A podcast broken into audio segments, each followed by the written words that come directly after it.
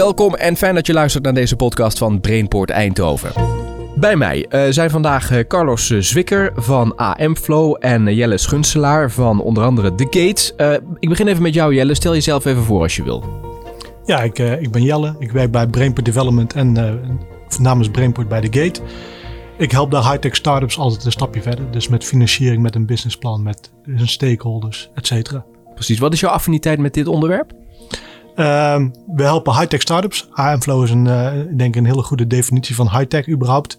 Uh, daarnaast ben ik betrokken bij een, uh, een, een, cluster van 3D-print fabrikanten, onderdeel, leveranciers, et cetera. En AM-Flow is daar ook onderdeel van. Goed dat je er bent. Carlos Zwicker, CCO van AM-Flow. Wat doet AM-Flow? mooie vraag. Um, wij specialiseren ons op het gebied van workflow automation.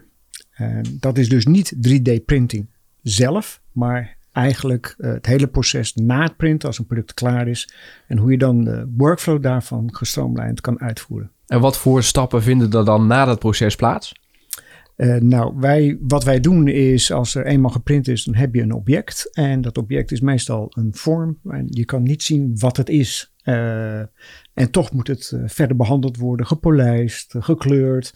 En doordat wij het kunnen identificeren, kunnen wij dat daarna sorteren, kunnen we transporteren, we kunnen het daarna in uh, zakjes uh, zetten en dan is het klaar voor shipping. En eigenlijk ben je dan klaar met het hele proces en dan kan het naar de klant. Oké, laten we dus even stap voor stap uh, gaan bespreken. We gaan het namelijk hebben over eigenlijk die hele end-to-end -end, fase van een idee dat je hebt tot het bespreken van de eisen waar het product aan moet voldoen, tot alle stappen erna. Wat is nou eigenlijk de route in dat proces? Ik denk dat jullie daar beide wel vanuit jullie rol iets in kunnen vertellen. Wie wil als eerste? Jelle, kun jij daar iets over vertellen? Ik, ik, denk dat we in deze regio heel vaak zien dat het met, een, met techniek begint. Uh, terwijl soms is het juist fijner om vanuit de markt te denken. Uh, het begint vaak met een idee, hoe kunnen we iets verbeteren? Welk probleem lossen we op? Uh, vanuit deze regio, high-tech regio met veel kennis en, en, kijk je van oké, hoe kunnen we dat oplossen? Dan ga je langzaam financiering zoeken.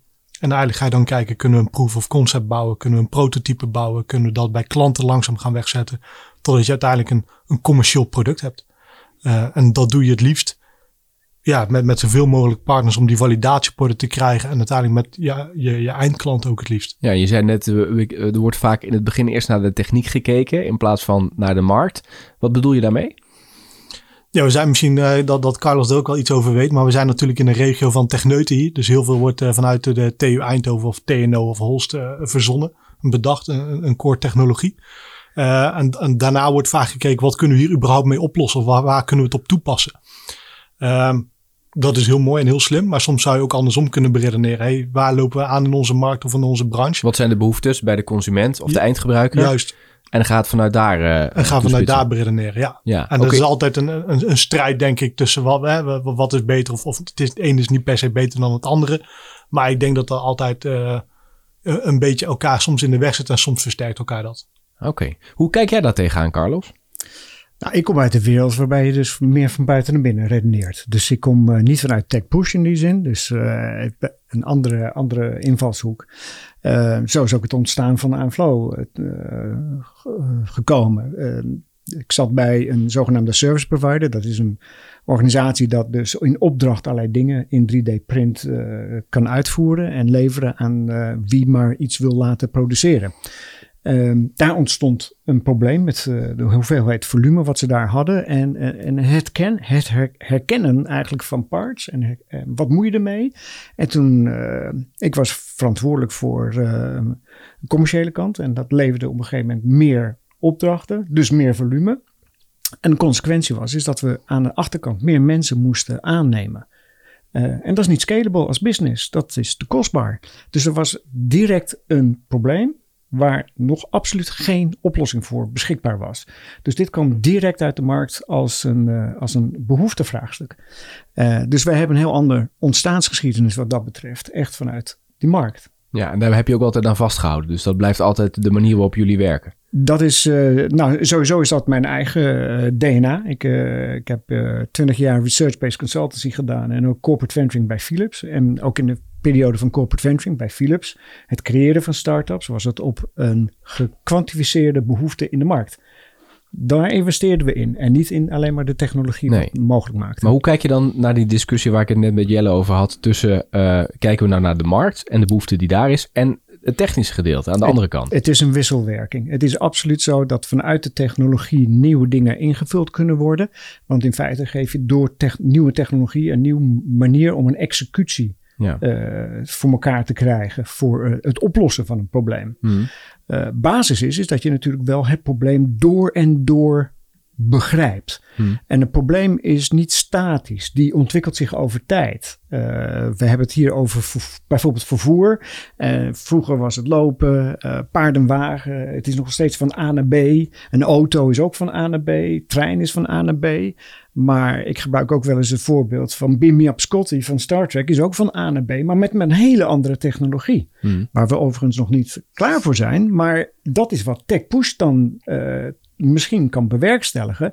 Eh, net zoals we bijvoorbeeld techneuten zijn die de Invisibility Cloak van Harry Potter na hebben gemaakt. Ja, we Ja. Hebben, het is bedacht in een boek, maar we kunnen het blijkbaar vanuit de technologie ook realiseren. Maar je zegt iets interessants. Je moet onderzoek doen. Hè? Je, moet, Je- je moet het helemaal moet- begrijpen. Ik zag je ook eh, eh, knikken, Jelle. Dat betekent dus ook dat je... Nou ja, ik, ik zal maar eventjes marktvalidatie hierbij halen. Dat is natuurlijk... Dat, dat de grens daar aan. Hè? Dat is natuurlijk kijken van... Oké, hoe reageert de markt op wat we gaan doen? Waar hebben ze behoefte aan? Nou, het complete plaatje. Hoe kijk jij daar tegenaan? Ik denk dat het essentieel is voor elke start-up. eh, in elke fase. En anders ga je absoluut tegen problemen aanlopen. Is het niet met je eerste ronde financiering ophalen, anders met je tweede ronde financiering ophalen.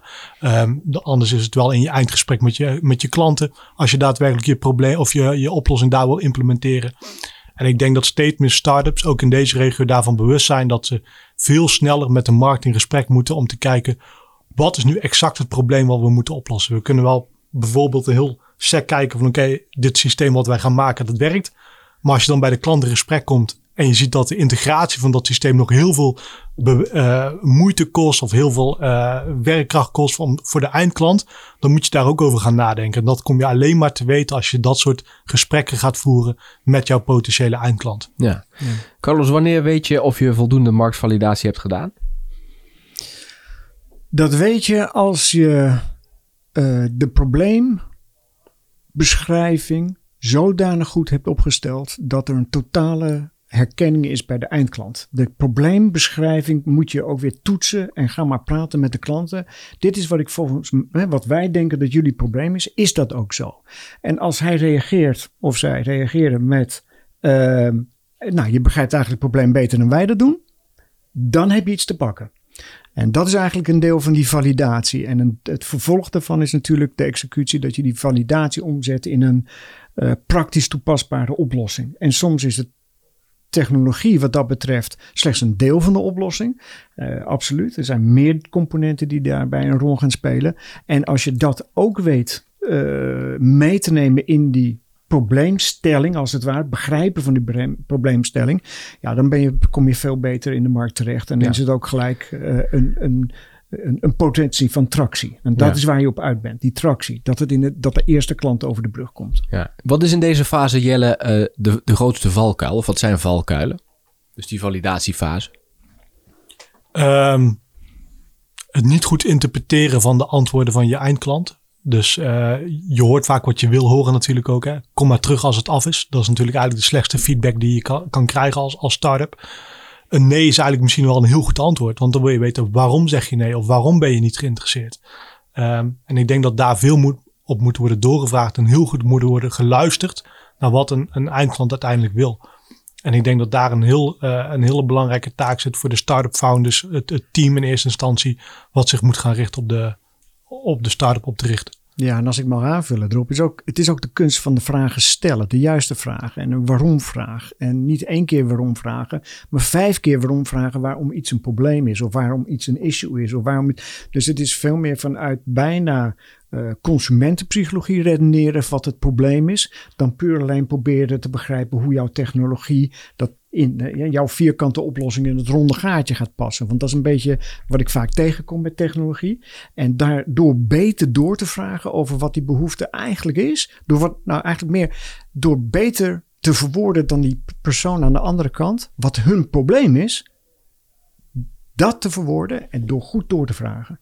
En niet alleen maar die oppervlakkige antwoorden als uitgangspunt te nemen. Ja, doe je ook uh, tussendoor een toetsmoment, uh, plan je dat in? Of, want ik kan me voorstellen, als je helemaal aan het einde van de rit pas komt met... Uh, oké, dit is volgens mij hoe het zit, dan ja, kun je ook wel eens miszitten.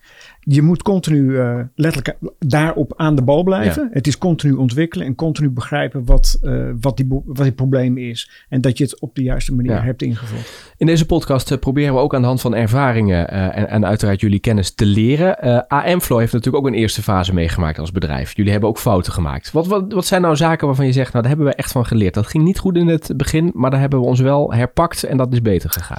Um, nou, de beginfase uh, neem ik even wat, wat tijd. Hè, want uh, Aanflow is voortgekomen uit een, uh, een andere start-up, uit Borges. die hadden de software ontwikkeld, de, het algoritme wat wij nu gebruiken om 3D geprinte objecten te herkennen, is van hen afkomstig. Alleen zij hadden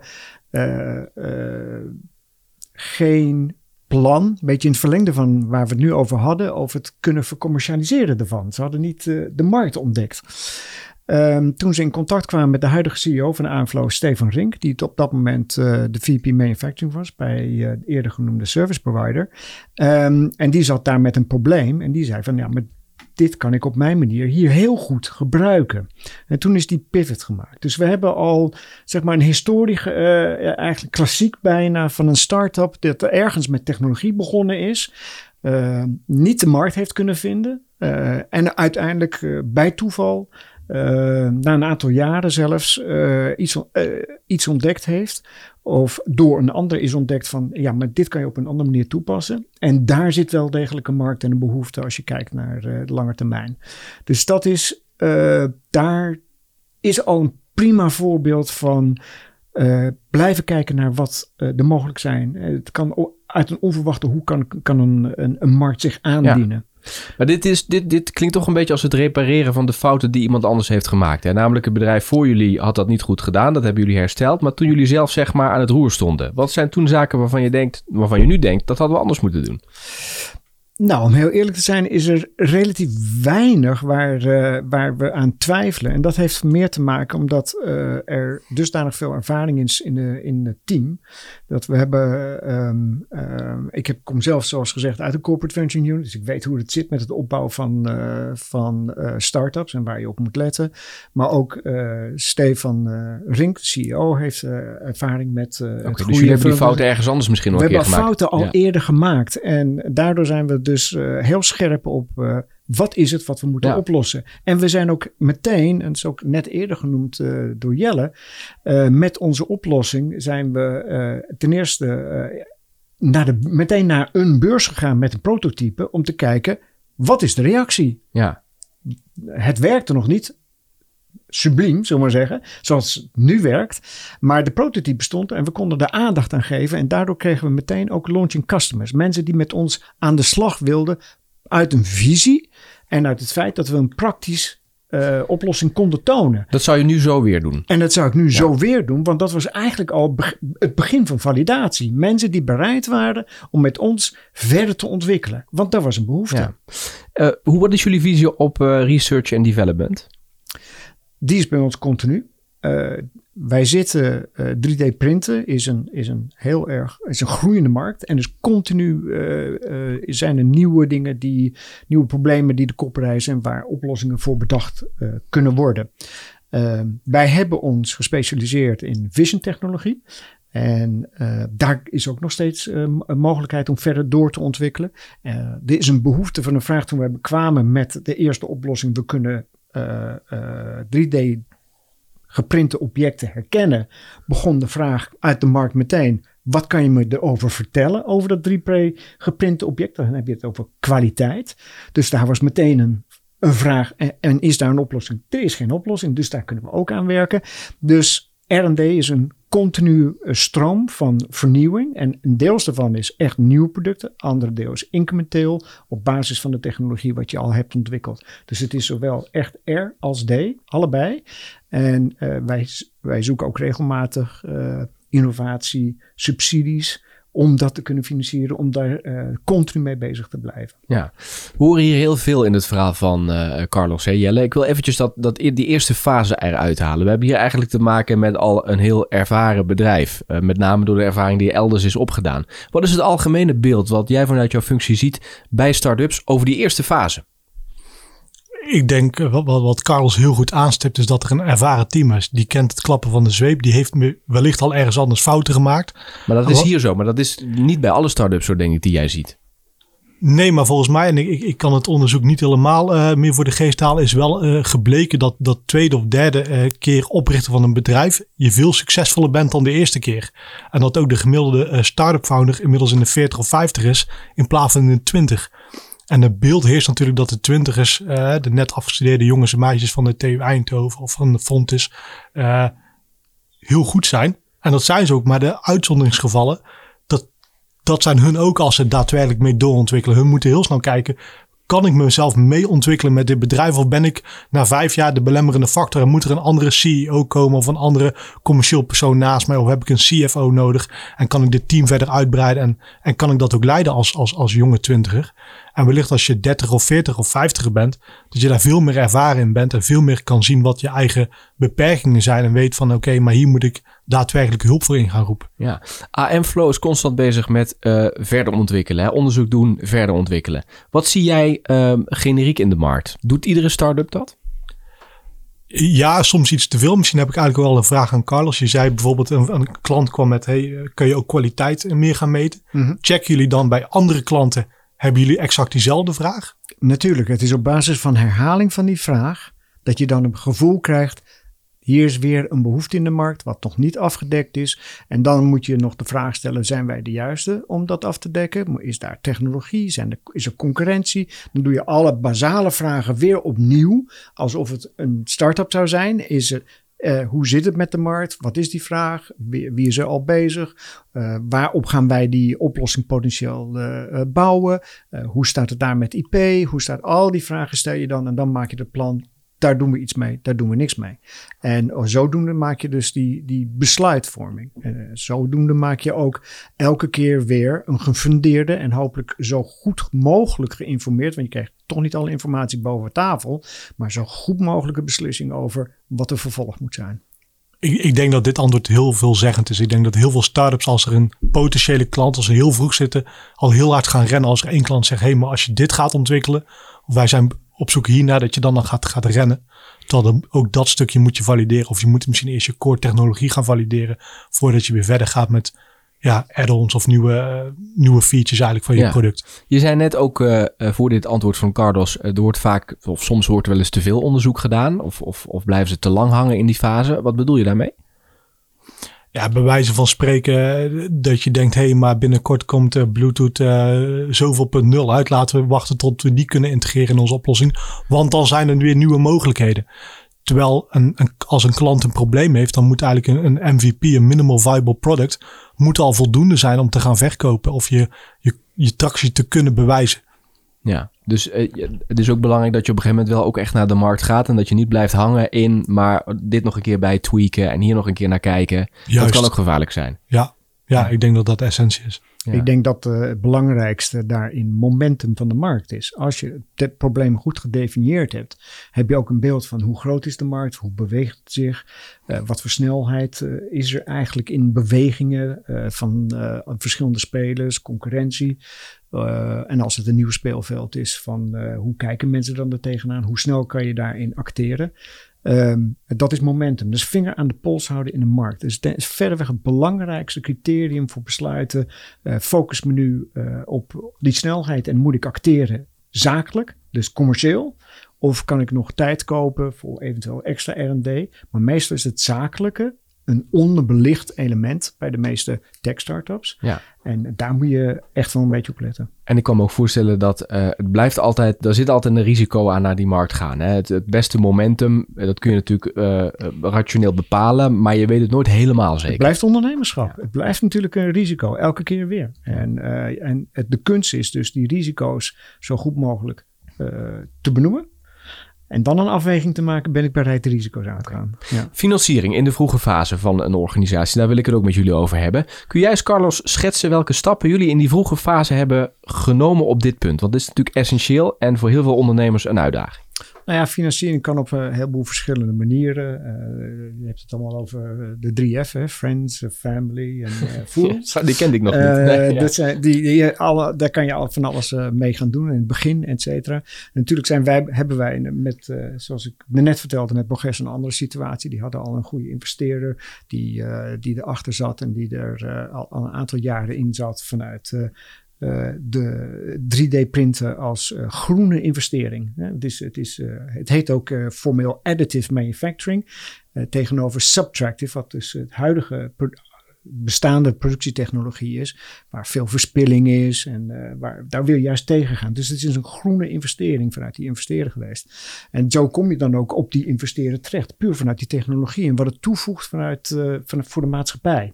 Uh, en zo zijn, zo zijn zij daar aangekomen. Inmiddels zijn we een, een, een organisatie dat zich dat een niche heeft weten te creëren en een positie in workflow automation. En we zijn uniek in de wereld. Terwijl, uh, we hebben het hier over mondiaal fenomeen. Uh, dus niet alleen gericht op Nederland. We zijn heel actief internationaal. Um, en uh, in zo'n soort omgeving dan, en als je kan groeien. Wij zijn nu vier jaar achtereen 400% gegroeid. Dat zijn cijfers waarmee je bij investeerders kan aankomen en die dan vervolgens uh, overtuigd zijn over de juiste analyse, de juiste marktbeschrijving, de juiste investeringsopportunity uh, voor hen. En daarmee kan je dus verschillende investeerders dan ook aantrekken. Dus, uh, dus op die manier, op basis van je, je, eigenlijk de stappen die we net noemden, je MVP in de markt, interesse uit de markt. Het feit dat wij launching customers hadden, meteen in het begin, was al een aantrekkingspunt voor geld. Dus, uh, maar dat had je niet gedaan voor die investeerder. Dat was, dat, dat was zo gegroeid. Dat is zo gegroeid. En, dat is, en ik denk ook dat dat ook. Dus je moet het wel in de achterhoofd hebben dat je natuurlijk financiering blijft zoeken. Maar je, je moet kunnen overtuigen. En het liefst doe je overtuigen. Niet alleen met een visie en een verhaal. Dat gebeurt in Amerika heel erg. Hè? Dus op basis van een droom wordt daar heel zwaar geïnvesteerd. Uh, maar hier in Europa, daar willen ze toch wel graag zien van ja, maar wat is dat dan voor product of service? Wat is dat fysiek? En dat hebben we kunnen laten zien. En, uh, en daar dus ook veel overtuigender over de bühne kunnen komen. En, daardoor ook uh, financiering kunnen aantrekken. Ja, ben je bereid om ook zaken in je um, visie, in je bedrijf aan te passen als een investeerder daarom vraagt? Um, goeie vraag, die, die mij nog niet gesteld is. Uh, dus ik, ik denk persoonlijk dat wij uh, het liefst dat willen aanhouden wie wij nu zijn. Uh, wij zoeken bij de financiering financiers, investeerders die natuurlijk achter ons willen staan en ons kunnen helpen. Er zullen altijd wel gesprekspunten zijn voor nuancering, uh, een beetje bijschaven. Maar wij zijn tot op heden niet gevraagd om onze visie ten aanzien van waar wij mee bezig zijn, om die op een of andere manier aan te passen. Het is veel meer van hoe kunnen we jullie jongens helpen om nog verder te groeien. En ik denk dat dat de juiste vraag moet zijn. Wat was het meest frustrerende gedeelte in die financieringsfase? Nou ja, je hoopt altijd dat het soepeler gaat. Financieren is tijdrovend. Het is een vak apart. En uh, het kost gewoon echt heel veel moeite, heel veel energie. Er zijn veel pitches voor nodig. Je moet veel oefenen. Je moet uh, elke keer weer aanscherpen voor een nieuw uh, publiek. want ze luisteren allemaal vanuit een andere invalshoek. het is erg intensief. En als je daar niet continu mee bezig bent, op een gegeven moment, als, als, als je eenmaal overtuigd hebt met de MVP, dan wordt dat een dagelijkse uh, aangelegenheid. Uh, daar zitten wij nu ook bijvoorbeeld middenin. Een Series A plus uh, financieringsronde zitten we nu in.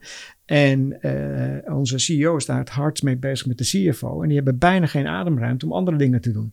Het is continu daarmee bezig zijn. Oké, dus je moet je agenda leegvegen en uh, daar constant mee bezig zijn. je moet echt heel veel aandacht eraan schenken. Ja. En het duurt lang voordat het rond is. Het mhm. duurt lang voordat je de, de, juiste investeerders gevonden hebt. En het duurt lang voordat je ook due diligence doorgelopen hebt. Dat het uh, allemaal in kannen en kruik is en het geld uiteindelijk op die rekening staat.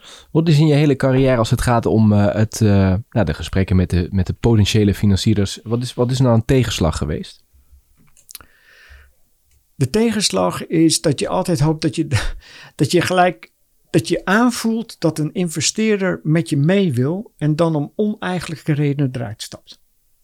Dat heeft niets te maken met jouw business. Het heeft niets te maken met jouw visie of met je plan. Het heeft, en dat is frustrerend. Dat je dus om, en dan kom je er eigenlijk achter, eh, om het heel, om heel eerlijk te zijn. Um, visies zijn ook mensen. Of uh, financiers zijn mensen. En nemen risico's met hun geld. En ze willen natuurlijk ook een eh, return op een, een eh, investering zien. Uh, en dat is, dat soms doen ze dat om, om, om hele goede redenen. Soms is het een, een niet zo'n geldig reden, zullen maar zeggen. En als je alleen maar op veilig gaat spelen, het blijft ondernemen, het blijft investeren, het blijft een risicovolle on onderneming. En soms nemen mensen gewoon beslissingen op basis van oneigenlijke argumenten. Dan is het niet meer achter een team staan, maar er bijna zeker van zijn dat hun investering geld gaat opleveren. En dat is natuurlijk niet heel erg reëel. En dat heb je meegemaakt? ja, dat, dat, dat maken we mee. Ja. En hoe ga je daarmee om? Door naar de volgende. Oké, dus niet te lang bij stilstaan. Niet te lang bij stilstaan. Het, uh, het doet pijn. Het, kost, het is allemaal energie uh, en, en, en resources die je erin gooit. Maar je moet door. Je moet de volgende zien te vinden. En wel gewoon uh, hopen dat je weer de juiste mensen Precies. tegenkomt. En dat zeg je nu waarschijnlijk nadat je het een paar keer hebt meegemaakt al. En dat je weet dat het zo werkt. Maar de, mhm. eerste, de eerste keer dat je dit gebeurt is natuurlijk heel frustrerend. De eerste keer dat dit je overkomt, dan ben je nog heel vol uh, over je, je droom en over je visie. En over al het werk wat je hebt gedaan. En al het werk wat je teamleden hebben gedaan. Dat daar iets staat. En dat laatste, die financiering, lukt dan een paar keer niet, die gesprekken. Ja, dat, is, dat is natuurlijk. Uh, uh, dat, weet je, dat wisten wij van tevoren dat het zou kunnen gebeuren. En als het je overkomt, ja, dan moet je eroverheen zetten. Het is niet anders. Ja. Het mooie is, Jelle, dat je niet er alleen voor staat. Uh, er is hulp. jij vanuit de gate kunt daar een rol in spelen. Kun je dat dus uitleggen? Ik denk wat Carlos heel goed aanstipt is dat uh, je ook voor elk publiek een andere pitch eigenlijk moet geven. Um, als je in de allereerste fase zit, dan ga je Friends, Family, Fools, die heb je vaak al binnen, maar op een gegeven moment ga je naar subsidies. Ga je naar RVO-gelden, dus uh, vroege fase financiering vanuit Brabant Startup Fonds, naar uh, het innovatiekrediet van RVO. En dan moet je op een andere manier pitchen, die taal moet je op een andere manier spreken. Dan weer in een latere fase, als je echt met hele commerciële venture capitalist fondsen aan tafel gaat zitten, dan komt er weer een andere taal bij kijken. En je moet eigenlijk een beetje goed weten wat moet je wanneer pitchen. Om niet je eigen ruit in te gooien. Um, ik denk dat wij daarin helpen. Dat doen wij eh, persoonlijk, mijn collega's en ik. Uh, maar we hebben ook de financieringstafel, de equity tafel, waarin je eigenlijk op een informele wijze met RVO, met de BOM, met uh, een venture capital fonds om tafel kan. Om feedback te vragen van hey, hoe presenteer ik dit? Presenteer ik dit goed? Uh, nou, Soms komen er gelijk al, al, netwerk, andere netwerkgesprekken uit of nummers, nummers worden uitgewisseld. Maar dit is in principe een heel goede start om te kijken, hey, pitch ik mezelf goed? En, en, en, waar ligt het aan als ik niet goed over uh, voor het voetlicht komt? Dus het zijn, er zijn eigenlijk heel veel diverse elementen die je noemt, waar jullie dus in iedere fase bij kunnen helpen. Uiteindelijk moet je het als ondernemer zelf doen, maar jullie kunnen wel ja, de tools aanreiken die nodig zijn. Ja, zeker in de allereerste fase. Op een gegeven moment ben je denk ik in een fase waar eigenlijk Aanflow ook al in zit. Dat je gewoon een, een professionele CFO fulltime aan boord hebt die daar heel gedreven is, commerciële adviseurs in kan vinden. Maar wij als semi-overheid zijn eigenlijk in de eerste fase heel eh, bereid om jou te helpen totdat je eigenlijk op eigen benen kan staan. Tot zover deze podcast van Brainport Eindhoven. Wil je meer informatie over dit onderwerp? Kijk dan op onze website. Het linkje vind je in de beschrijving bij deze podcast. En vergeet je niet te abonneren, want dan zie je vanzelf wanneer er een nieuwe podcast over een nieuw onderwerp voor je klaarstaat. Bedankt voor het luisteren. Tot de volgende keer.